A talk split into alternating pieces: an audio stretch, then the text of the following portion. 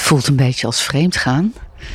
Ehm, ik adem namelijk op dit moment geen Zeeuwse buitenlucht in, maar Betuwse buitenlucht. Ik ben een paar dagen op de Betuwe voor werk en ook om te werken aan mijn eigen teksten voor op mijn website en op LinkedIn.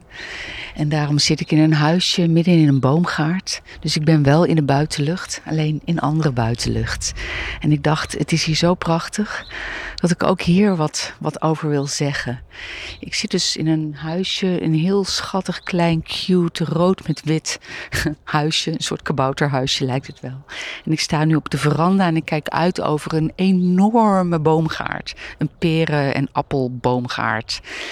En um, alles staat in bloei. Witte bloesem. Het is één groot veld van witte bloesem. Werkelijk waar schitterend. Dat is dus mijn uitzicht. op de achtergrond hoor ik een vogel. En ik zag net een. Um, um, godsjeetje, dan ben ik even de naam kwijt van dat beest. Een ekster, ja. Een ekster rondhippen door het gras. En uiteraard bloeien hier ook de paardbloemen. Uh, dus ook al is het een beetje vreemd gaan, voel ik me ook wel weer thuis.